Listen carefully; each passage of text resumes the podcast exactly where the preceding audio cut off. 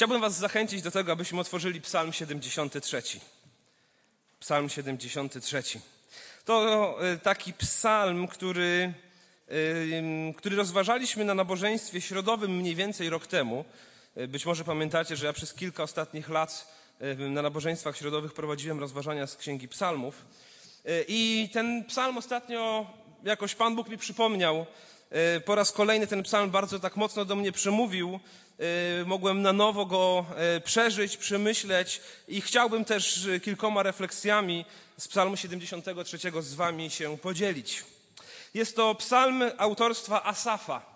Asaf był śpiewakiem świątynnym w czasach króla Dawida i zapoczątkował cały ród śpiewaków. I tych psalmów asafowych jest kilkanaście właśnie w księdze psalmów. Ten jest pierwszym, pierwszym psalmem Asafa, który który możemy przeczytać w tej księdze, idąc od początku. I jest to psalm, który opowiada o problemie, który co jakiś czas pojawia się w psalmach, co jakiś czas pojawia się w Biblii, ale lata upływają, wieki upływają i ten problem również pojawia się i w naszym życiu. Myślę, że jest bardzo aktualny. E, patrząc na dzisiejszą pogodę, taką bardzo jesienną, e, deszczową, smutną, pochmurną, e, łatwo się pośliznąć, na, w śliskich miejscach, to ten psalm mówi o duszy człowieka, który jest w takim stanie jak ta pogoda, którą mamy na zewnątrz. I psalmista zastanawiał się nad tym, czy nie zawrócić z drogi Bożej, bo patrzył na to, jak żyją niewierzący i bardzo mu to imponowało i bardzo mu się to podobało. I myślę, że co jakiś czas każdy z nas, yy, nawet jeśli tak na co dzień nie chce, to jednak mierzy się z tym, że zazdrościmy, patrzymy gdzieś tam na zewnątrz i myślimy sobie, jak to jest, że ja jestem wiernym Bogu chrześcijaninem, naśladuję Go w swojej codzienności, y, troszczę się o zbór, czytam codziennie Boże Słowo, modlę się, powierzyłem Bogu swoje życie, chcę za Nim iść, ale patrzę na tych innych ludzi, którzy nie mają z Bogiem nic wspólnego i wydaje się, że trawa na tamtym podwórku jest bardziej zielona. Czy ja dobrze robię? Panie Boże, czy Ty rzeczywiście jesteś dobrym ojcem? Co mi po takiej wierze i co mi po takim Bogu? Przecież ja się staram, a oni nie. I to ja mam ciężko, a oni nie. Myślę, że to jest też jedna z najważniejszych kwestii, z którymi e, muszą się mierzyć dzieci z rodzin wierzących, które wyrastają w rodzinach chrześcijańskich, wyrastają w domach wierzących rodziców, widzą życie takie pobożne, życie z Bogiem, ale potem też patrzą na życie swoich znajomych w szkole, gdy wchodzą w okres nastoletni i zaczynają tego zazdrościć. I się zastanawiają, czy moi rodzice mądrze wybrali. Czy ja powinienem iść w ślady moich rodziców, bo może powinienem pójść w ślady rodziców moich kolegów i w ślady moich kolegów.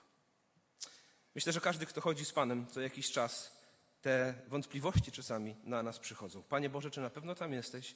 Czy na pewno mam Ci ufać? Czy na pewno za Tobą mam iść? Jeśli jesteś dzisiaj w takiej sytuacji, Twoja dusza jest w takim stanie, to mam nadzieję, że, że zostaniesz upewniony w tym, aby trwać wiernie przy Bogu. Jeśli nie jesteś w takim stanie, jeśli jest wszystko dobrze, być może będziesz niedługo w takim stanie. Mam nadzieję, że powrócisz wtedy do Psalmu 73. E, jeśli znasz kogoś, kto jest w takim stanie, to mam nadzieję, że będziesz potrafił, potrafiła mu odpowiednio pomóc, kierując właśnie e, wzrok na Pismo Święte. Przeczytajmy Psalm 73, który będzie e, tekstem naszego kazania. O jak dobry jest Bóg dla Izraela, dla tych, którzy mają czyste serca. Co do mnie, prawie się potknąłem i niemal poślizgnąłem, bo zazdrościłem zuchwałym. Chciwym okiem zerkałem na pomyślność bezbożnych. Oto żyją bez ograniczeń, są zdrowi i zadbani, nie doświadczają znoju śmiertelnych i w odróżnieniu od zwykłych ludzi nie spada na nich cios. Dlatego pychę wkładają jak naszyjnik – gwałt przywdziewają niczym szatę. Jak czerń na bieli widać ich niegodziwość, gdy prześcigają się w swoich zaściankach. Szydzą i mówią złośliwie, wyniośle grożą przemocą, ustami gotowi są pochłonąć niebo, a językiem zawojować ziemię. Dlatego ich ludzie gromadzą się przy nich i dostarczają im wód obfitości. Mówią też, w jaki sposób Bóg się na tym pozna? Skąd Najwyższy będzie o tym wiedział? Oto jacy są bezbożni wciąż beztroscy i coraz bogatsi. Czy więc nadaremnie zachowywałem czystość serca i w niewinności obmywałem ręce? A przecież bywałem bity cały dzień i upominany każdego poranka. Jednak gdybym stwierdził, że to było na darmo, to zdradziłbym ród Twoich dzieci. Próbowałem to wszystko zrozumieć, lecz okazało się to nazbyt trudne, aż przybyłem do świątyni i tam dałeś mi pojąć ich kres. Rzeczywiście stawiasz ich na śliskim gruncie. Strącasz w szczęki potrzasku. Jedna chwila i ich stan może budzić grozę. Mogą dojść do kresu, zginąć w przerażeniu, jak sennymi marami, gdy się człowiek budzi. Tak ty, panie, kiedy wstaniesz, wzgardzisz ich cieniami. Gdy moje serce zalało się goryczą i kiedy w nerkach odczuwałem kłucie, to byłem głupi i nierozumny. Byłem przed Tobą tępy jak zwierzę. Przecież ja zawsze jestem z Tobą. Ty ująłeś moją prawicę, prowadzisz według swojej rady, a potem przyjmiesz mnie do chwały. Kogóż ja mam w niebie, jeżeli nie Ciebie? Bez Ciebie też nic nie cieszy mnie na ziemi. Choćby osłabło moje ciało i serce, Bóg mą opoką, mym działem na wieki. Bo zginą ci, którzy oddalają się od Ciebie, zniszczysz wszystkich niedochowujących Ci wiary. A ja? Moim szczęściem jest być blisko Boga. W Panu, w Bogu znalazłem schronienie i pragnę opowiadać o wszystkich Twoich dziełach. Panie, dziękujemy Tobie za ten piękny Psalm 73. I prosimy teraz, nastaw nasze umysły, nasze serca na to, aby Twoje słowo zamieszkało w nas obficie. Niech rzeczywistością staną się te słowa, że naszym szczęściem jest być blisko Ciebie.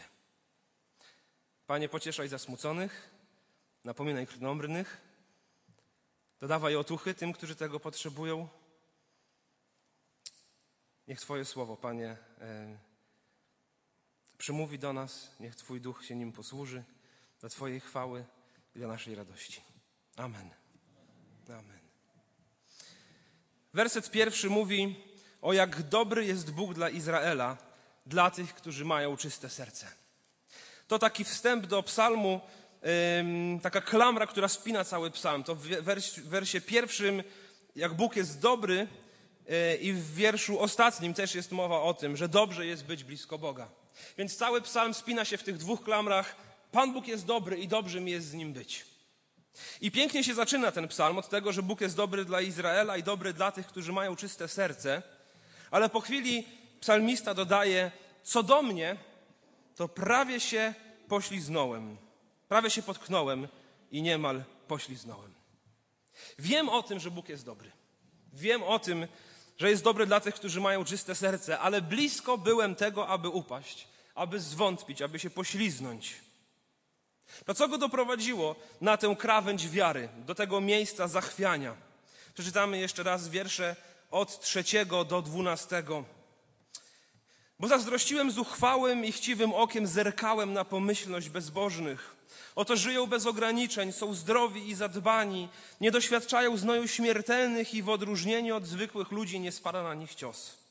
Dlatego pychę wkładają jak naszyjnik, gwałt przywdziewają niczym szatę, jak czerni na biel widać ich niegodziwość, gdy prześcigają się w swoich zachciankach. Szydzą i mówią złośliwie, wyniośle grożą przemocą, ustami gotowi są pochłonąć niebo, a językiem zawojować ziemię. Dlatego ich ludzie gromadzą się przy nich i dostarczają im wód obfitości. Mówią też, w jaki sposób Bóg się na tym pozna, skąd Najwyższy będzie o tym wiedział. Oto jacy są bezbożni, wciąż beztroscy i coraz bogatsi. Faktycznie dzisiaj również możemy obserwować takich ludzi.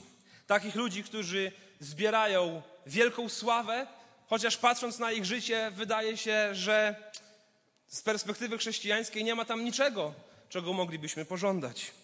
Wydaje mi się, że dzisiaj to jest nawet łatwiejsze. Dzięki internetowi tak naprawdę można zdobyć zasięg globalny, mieć ludzi, którzy całej, na całej ziemi będą się kimś zachwycać. I psalmista mówi, że zazdrościł zuchwałym i bezbożnym. Zobaczcie, te dwa słowa są bardzo jasno nacechowane. On nie mówi zazdrościłem zdrowym i bogatym, albo beztroskim i bogatym, jak mówi w wierszu dwunastym. On wie, co to są za ludzie. Zazdrościłem zuchwałym i bezbożnym. To są bardzo jasno nacechowane określenia. Wie, że są to ludzie źli, Że to są ludzie, od których należałoby się trzymać z daleka, których należałoby unikać. Zuchwali, czyli pyszni i bezbożni, nie mający nic wspólnego z Bogiem. Jako człowiek wierzący rozumiem, że powinienem trzymać się z daleka, ale jednak patrząc na ich życie, wydaje mi się, gdzieś tam to moje grzeszne serce dostrzega coś atrakcyjnego, interesującego. Psalmista mówi, że dostrzegł na tyle atrakcyjne rzeczy, że nieomal się pośliznął i przewrócił. Więc zaczęły się pojawiać pytania, a może to wszystko rzucić? A może przejść na ich stronę? Co jest takiego atrakcyjnego, patrząc na te wersety? Wiersz czwarty. Żyją bez ograniczeń. Nie muszą się niczym przejmować. Nie muszą się przejmować tym, że czegoś nie wolno, że coś nie wypada, że jest Bóg, który jest sędzią i mamy poczucie szacunku do Niego, że jest Bóg, który jest Ojcem i w związku z tym, że On nas kocha, chcemy też w odpowiedni sposób żyć dla Jego chwały. Dla wielu wygląda to jak ograniczenia. Dla tych, którzy są dziećmi Bożymi, jest to wolność Bożych dzieci, ale dla wielu to są ograniczenia i psalmista mówi, ci bezbożni żyją bez ograniczeń. Z nikim się nie liczą, robią co chcą. Dalej czytamy, są zdrowi i zadbani, co może wynikać z tego, że mają kasę. Nie muszą się, e, nie muszą, mogą w lepszy sposób zadbać o zdrowie, stać ich na dobrych lekarzy, na, na jakąś lepszą opiekę. Są zdrowi i zadbani. Werset piąty. Nie doświadczają znoju śmiertelników i nie spada na nich cios. Więc są oderwani od takiej ziemskiej, szarej rzeczywistości. Żyje im się lepiej niż przeciętnemu człowiekowi. Werset szósty. Pychę wkładają jak naszyjnik i gwałt przywdziewają niczym szatę. Kojarzy mi się to, to przywdziewanie czegoś na siebie z listem do Efezjan. Pamiętacie zbroję Bożą, gdzie apostoł Paweł mówi: Przywdziejcie hełm zbawienia, pancerz sprawiedliwości, obuci w buty y, głoszenia Ewangelii. To tutaj mamy opis bezbożnych, którzy też y, w coś się oblekają, ale coś zgoła innego. Pychę wkładają jak naszyjnik i gwałt przywdziewają niczym szatę. I znowu psalmista wie, że to, to nie są dobre rzeczy. Pychę wkładają niczym naszyjnik. Z nikim się nie liczą, są dumni z tego, kim są, są silnymi ludźmi, potrafią wybić się na cudzej krzywdzie. I chociaż, jak mówi, widać jak czerń na bieli, więc jasnym jest, że to źli ludzie, to jakoś tak zazdrość bierze że łatwe mają życie, a ja się muszę zmagać. Werset dziewiąty i dziesiąty. Ustami gotowi są pochłonąć niebo, a językiem zawojować ziemię. Więc są bardzo wyniośli w swoich słowach, mają cięte języki i imponują w tym innym ludziom. Werset dziesiąty. Dlatego ich ludzie gromadzą się przy nich i dostarczają im wód obfitości. imponuje to wielu ludziom, którzy gromadzą się przy nich i ci gromadzący się przynoszą im też jakiś zysk, dostarczają wód obfitości. I tę część autor podsumowuje następująco. Oto jacy są bezbożni, wciąż beztroscy i coraz bogatsi. Któż z nas, jakby go zapytać, czy chciałbyś żyć bez trosk i w majętnej obfitości? Odpowiedziałby nie, ja nie skąd. Ja wolę ciężkie życie i w biedzie. I on dochodzi do tego wniosku. Bezbożni są beztroscy i bogatsi. Nic dziwnego, że pojawia się zazdrość. I pojawia się pytanie w wersecie 13. Czy więc nadaremnie zachowywałem czystość serca? Czy to jest nadaremne? Czy nadaremnie w niewinności obmywałem ręce? Świat nie zmienił się za wiele. Zasięgi się zmieniły. Można sięgnąć po więcej ludzi, znaleźć więcej naśladowców. Tak naprawdę, jeśli popatrzeć dzisiaj właśnie szczególnie na tę przestrzeń internetową, na jakieś profile na YouTubie, TikToku, Instagramie, one są pełne ludzi, o których mówi ten psalmista. I każdy z nich może też zmierzyć, ilu ma naśladowców. Tam są e, followersi, więc naśladowcy. Można sobie to zobaczyć, ile ludzi idzie za mną, ile osób mnie ogląda. I często są to ci najbardziej popularni, są ludźmi, którzy są popularni właśnie z powodu swojej, z powodu na przykład ciętego języka, takiego wy, wy, wyzywającego życia, yy, które, jak na nie popatrzeć moralnie, dosyć jasne jest dla wielu, że jest złe, Ale jednak mnóstwo ludzi im zazdrości. Mnóstwo nastolatków ich obserwuje, naśladuje i nawet jak się czasami z tego śmieje, to wciąż jednak obserwuje. Zapytajcie swoje dzieci albo swoje wnuki, kogo oglądają na Instagramie, na TikToku. Może nie słyszeliście nawet takich słów, to, to chcę was poinformować, że są takie rzeczy. I tam się spędza większość swojego wolnego czasu, a nawet nie, nie tylko wolnego. I zobaczcie, kogo oglądają. Gwarantuję wam, że nie będą to tylko chrześcijańskie zespoły muzyczne i młodzi kaznodziejowie. I będą to ludzie dokładnie tacy, jakim zazdrości psalmista. Wielu z nich. Oby nie, ale wiem, jaka jest rzeczywistość. Nie imponują oni wcale ludziom z tak zwanego marginesu społecznego, ale miliony ludzi to ogląda. I na tym polega też przemysł celebrytów dzisiaj. Ludzi, którzy są znani z tego, że są znani. I muszą coś zrobić kontrowersyjnego, żeby być ponownie o sobie przypomnieć i znowu jakoś zabłysnąć, żeby o nich mówić. A my często nawet mówimy, to jest złe, ale gazetkę o, cele, o życiu celebrytów kupimy. Ale program w telewizji, jak już leci, to są ciekawe takie informacje, no to już tak obejrzę. I zazwyczaj to prowadzi nas w, dwie, w dwa miejsca. Jedno miejsce jest takie jak u psalmisty. Że ktoś sobie myśli, no, no na fajne, tam ta, nie wiem co, aktorka, piosenkarka pojechała w wakacje. No też bym chciał, chciała pojechać. No, ja wiem, że to jest niedobre życie, no ale jakoś tak chciałbym również tego doświadczyć. To jest jedno miejsce, w które idziemy, jak w tym psalmie. Albo jest też drugie miejsce, w które idziemy, wcale nie lepsze. Miejsce takiej pewnej pogardy w cudzysłowie chrześcijańskiej. Boże, dziękuję Ci za to, że ja nie jestem jak tamci. Ależ brzydzi mnie ten ich styl życia. Jak dobrze, że ja wiodę swój skromny żywot. Panie Boże, no tak jestem szczęśliwy. Czy widzisz to, jak ja dbam o życie z Tobą? Jedna i druga, jedno i drugie miejsce jest tak samo grzeszne. Lepiej się tym nie interesować. Lepiej się tym nie interesować. Ani nie zazdrościć, ani nie pogardzać, ale zająć się swoim życiem z Bogiem. Trzeba się w tej kwestii pilnować. Social media dzisiaj internetowe naprawdę potrafią zrujnować nasze serca w tych kwestiach. Co zatem się stało, że Asaf się ocknął z zazdrości i nie pośliznął w wierze?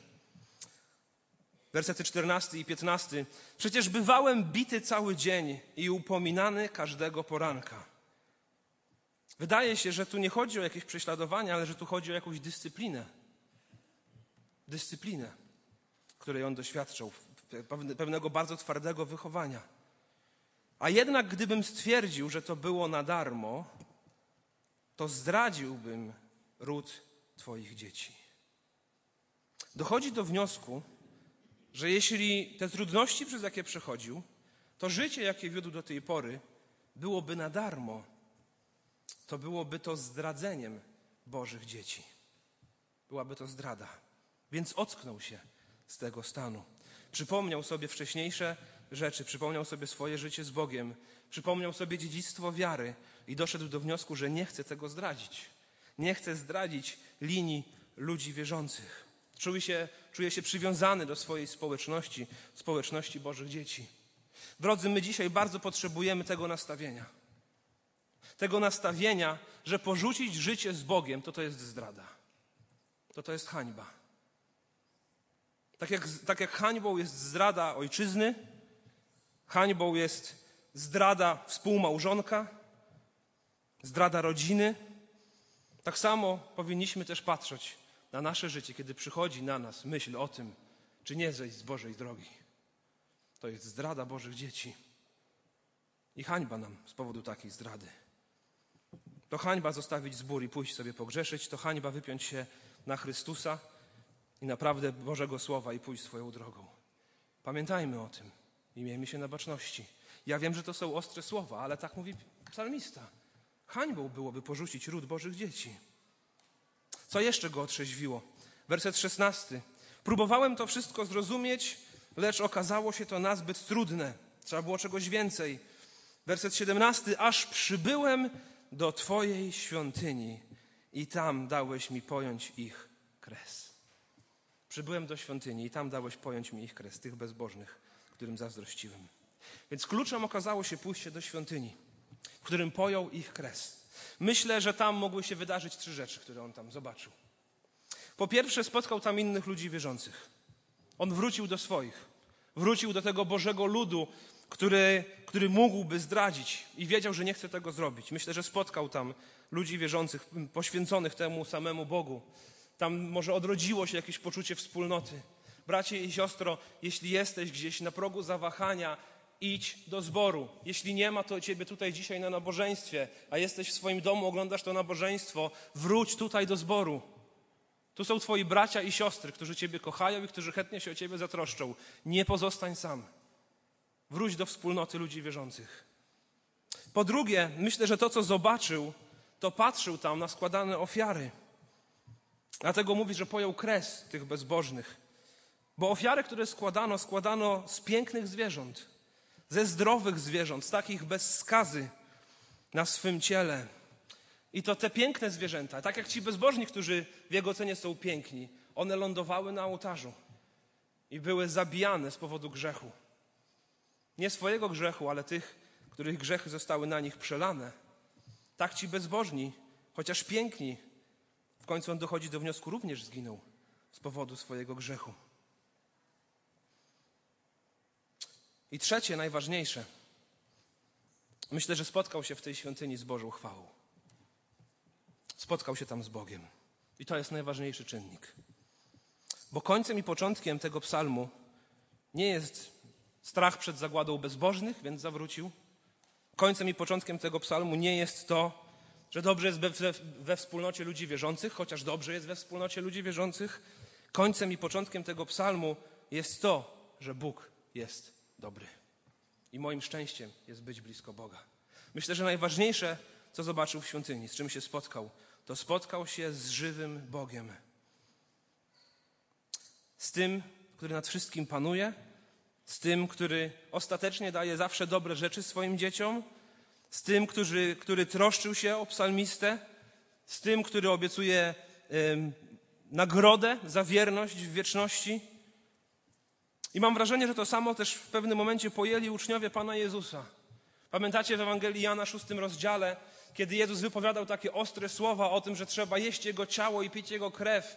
I wielu uczniów, którzy za Nim chodzili, obraziło się i odeszło od Niego. Czytamy, przez to wielu spośród Jego uczniów zawróciło i przestało z Nim chodzić. Wówczas Jezus zwrócił się do dwunastu. Czy wy też chcecie odejść? Szymon Piotr odpowiedział, Panie, do kogo pójdziemy? Ty masz słowa życia wiecznego. My zaś uwierzyliśmy i jesteśmy pewni, że Ty jesteś Chrystusem, świętym Bożym. Oni powiedzieli, Panie, nie zawrócimy, bo zrozumieliśmy, że Ty jesteś Chrystusem, świętym Bożym. Jeśli naprawdę zrozumiesz, jaki jest Bóg, jaki jest dobry, jaki jest łaskawy, jaką jest opoką, na której można zbudować mądre życie, życie, które wcale nie musi być dostatnie, Życie, które wcale nie musi upływać w zdrowiu, życie, które wcale nie musi opływać w splendor. Może to być skromne i pokorne życie, i takie życie często najbardziej podoba się Bogu. I jednocześnie będzie to życie pełne radości i pokoju ponad wszelki rozum, jakiego nikt na tym świecie nie ma, jeśli nie zna Boga. Jeśli pojmiesz to, jaki naprawdę jest Bóg, to zrozumiesz, że gdzie ja mam pójść? Panie, gdzie pójdziemy? Ty masz słowa żywota wiecznego. To wszystko inne na zewnątrz może wyglądać atrakcyjnie, może wyglądać pociągająco, ale ostatecznie, Panie, gdzie my mamy pójść? Wersety 18 do 20. Rzeczywiście stawiasz ich na śliskim gruncie. Strącasz w szczęki potrzasku. Jedna chwila i ich stan może budzić grozę. Mogą dojść do kresu, zginąć w przerażeniu, jak sennymi marami, gdy się człowiek budzi, tak Ty, Panie, kiedy wstaniesz, wzgardzisz ich cieniami. Zazdrość niegodziwym jest zazdrością tego, co mają dzisiaj. Tego, co mają dzisiaj. Z pewnością nie jest zazdrością tego, co czeka ich jutro. Bo kres tych ludzi często bywa bardzo tragiczny. Już za ich życia, nie mówiąc nawet o wieczności. Często to życie kończy się brutalnie i tragicznie. Czytałem kiedyś pewną historię tego, jak na początku XX wieku e, spotkało się, jeśli dobrze pamiętam, dziesięciu najbogatszych ludzi w Chicago. I reporter prześledził ich życie 20 lat później, czy 30 lat później. Więc 10 najbogatszych mieszkańców Chicago się spotkało i potem były śledzone ich dalsze losy. Nie pamiętam dokładnie liczb, więc być może coś naciągnę, ale wniosek był mniej więcej taki. Kilku z nich za swojego życia straciło cały swój majątek przez kryzys ekonomiczny, który nadszedł. Niektórzy umarli w potężnych długach. Jeśli dobrze pamiętam, dwóch zostało zabitych przez złodziei, zostali ograbieni. Dwóch albo trzech popełniło samobójstwa. Jeden zachował swoje dziedzictwo, ale jego dzieci roztrwoniły to dziedzictwo. I chyba tak naprawdę dwóch się ostało, i potem ich pokolenia. W tym momencie, kiedy oni się spotkali, oczy całego miasta, może całego kraju były na nich skierowane i wielu powiedziało: Chciałbym być na ich miejscu. Ale kiedy popatrzeć na jutro, w cudzysłowie to jutro, na te kolejne lata, to często tam nie ma wcale co zazdrościć. Najtragiczniejsze jednak wydaje mi się to zdanie: Tak ty, panie, kiedy wstaniesz, wzgardzisz ich cieniami. W Piśmie Świętym, kiedy jest określenie, że Bóg wstaje, to zazwyczaj Bóg wstaje na sąd. I psalmista mówi: Jak ty, Boże, wstaniesz, to co po tym wielkim splendorze? Co po tych naśladowcach, którzy się gromadzili wokół nich? Zostaną z nich cienie. I ty, panie, wzgardzisz ich cieniami. Odejdźcie ode mnie precz, nigdy was nie znałem. Oto tragedia, która spotka miliony tych, za którymi ten świat dzisiaj idzie. Największa tragedia, najgorsze zdanie, jakie człowiek może usłyszeć. Odejdź ode mnie precz, nigdy cię nie znałem z Chrystusa. Gdy moje serce zalało się goryczą, werset 21, i kiedy w nerkach odczuwałem kłucie, to byłem głupi i nierozumny. I byłem przed Tobą tępy jak zwierzę. To dobra jest konkluzja. Zrozumieć czasami, że byłem głupi, że głupio robiłem, że głupio myślałem. Byłem głupi i nierozumny. Przecież ja zawsze jestem z Tobą. Ty ująłeś moją prawicę. Prowadzisz według swojej rady, a potem przyjmiesz mnie do chwały. I to jest perspektywa, którą my potrzebujemy złapać. Perspektywa wieczności. Nie tego, że ja dzisiaj komuś czegoś zazdroszczę, ale perspektywa wieczności i chwały, która czeka w tej wieczności. Prowadzisz mnie według swojej rady, a potem przyjmiesz mnie do chwały. Cóż nam pochwale na tej ziemi, jeśli w wieczności mielibyśmy spędzić, w potem, jeśli wieczność mielibyśmy spędzić w potępieniu? Zdecydowanie bardziej wolę skromne i pokorne życie i chwałę na wieki wieków z Chrystusem. To jest perspektywa, którą musimy znaleźć. I w najdoskonalszy sposób tę perspektywę widać to, jak wypełniły się te słowa na Jezusie Chrystusie. On również przechodził przez fizyczne cierpienia, tak jak psalmista. On również znosił urągania.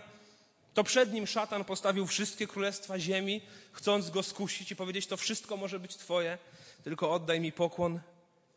I to on też toczył prawdopodobnie największą wewnętrzną bitwę, jaką może toczyć człowiek w ogrodzie Getsemane. Kiedy mówił: Ojcze, jeśli możliwe, oddal ode mnie ten kielich. Ale niech nie moja wola się stanie, ale Twoja wola się stanie. Ewangelista Łukasz mówi, że on tam się zmagał. Tak jak wielu z nas się zmaga. Ale przyjął to wszystko, co wyznaczył mu Bóg. I dokonał odkupienia. I został obdarzony chwałą tak jak zapowiada to ten psalm. Na Jego imię zegnie się każde kolano. Jego imię jest ponad wszelkim innym imieniem. On jest królem królów i panem panów. Został wywyższony w szczególny sposób. I On wie, przez co przychodzisz. Gdy cierpisz, gdy jesteś kuszony, gdy boisz się zawrócenia, gdy zmagasz się, On wie, co to znaczy zmagać się, bo zmagał się w ogrodzie Getsemane. Przyjdź do Niego. Tak jak Jezus prosił o modlitwę swoich uczniów, tak jak anioł został do niego posłany, go umacniał, tak może i ty potrzebujesz umocnienia. Módl się i proś innych o to, aby modlili się o ciebie. Tak często nie doceniamy tego oręża, które dał nam sam Pan. Wspólnej modlitwy o siebie nawzajem. Nie zaniedbujmy tego. I zmierzając już do samego końca, 25 do 28. Kogóż ja mam w niebie, jeżeli nie Ciebie? Bez Ciebie nic też nie cieszy mnie na ziemi. Choćby osłabło me ciało i serce, Bóg mą opoką i mym działem na wieki. bo zginą ci, którzy oddalają się od Ciebie. Zniszczysz wszystkich niedochowujących Ci wiary. A ja? Moim szczęściem jest być blisko Boga. W Panu, w Bogu znalazłem schronienie i pragnę opowiadać o wszystkich Twoich dziełach. Z czego tak naprawdę chcesz być znany? Ze skandali? Z tego, że nagrałeś, zaśpiewałeś, zaśpiewałaś ładną piosenkę? Z tego, że masz mnóstwo znajomych? Z czego chcesz być znany? Przeczytałem kiedyś taki przykład, który dał mi dużo do myślenia. W 1997 roku, w ciągu jednego tygodnia, zmarły dwie ówcześnie chyba najpopularniejsze kobiety na świecie. 28 sierpnia w wypadku zginęła księżna Diana Spencer, należąca do rodziny królewskiej, posiadająca ogromny majątek, nosząca najlepsze ubrania, zadająca się z największymi ludźmi tego świata, będąca na ustach całego świata, za życia i po śmierci. Jej pogrzeb był transmitowany w telewizji i oglądało go 2,5 miliarda ludzi.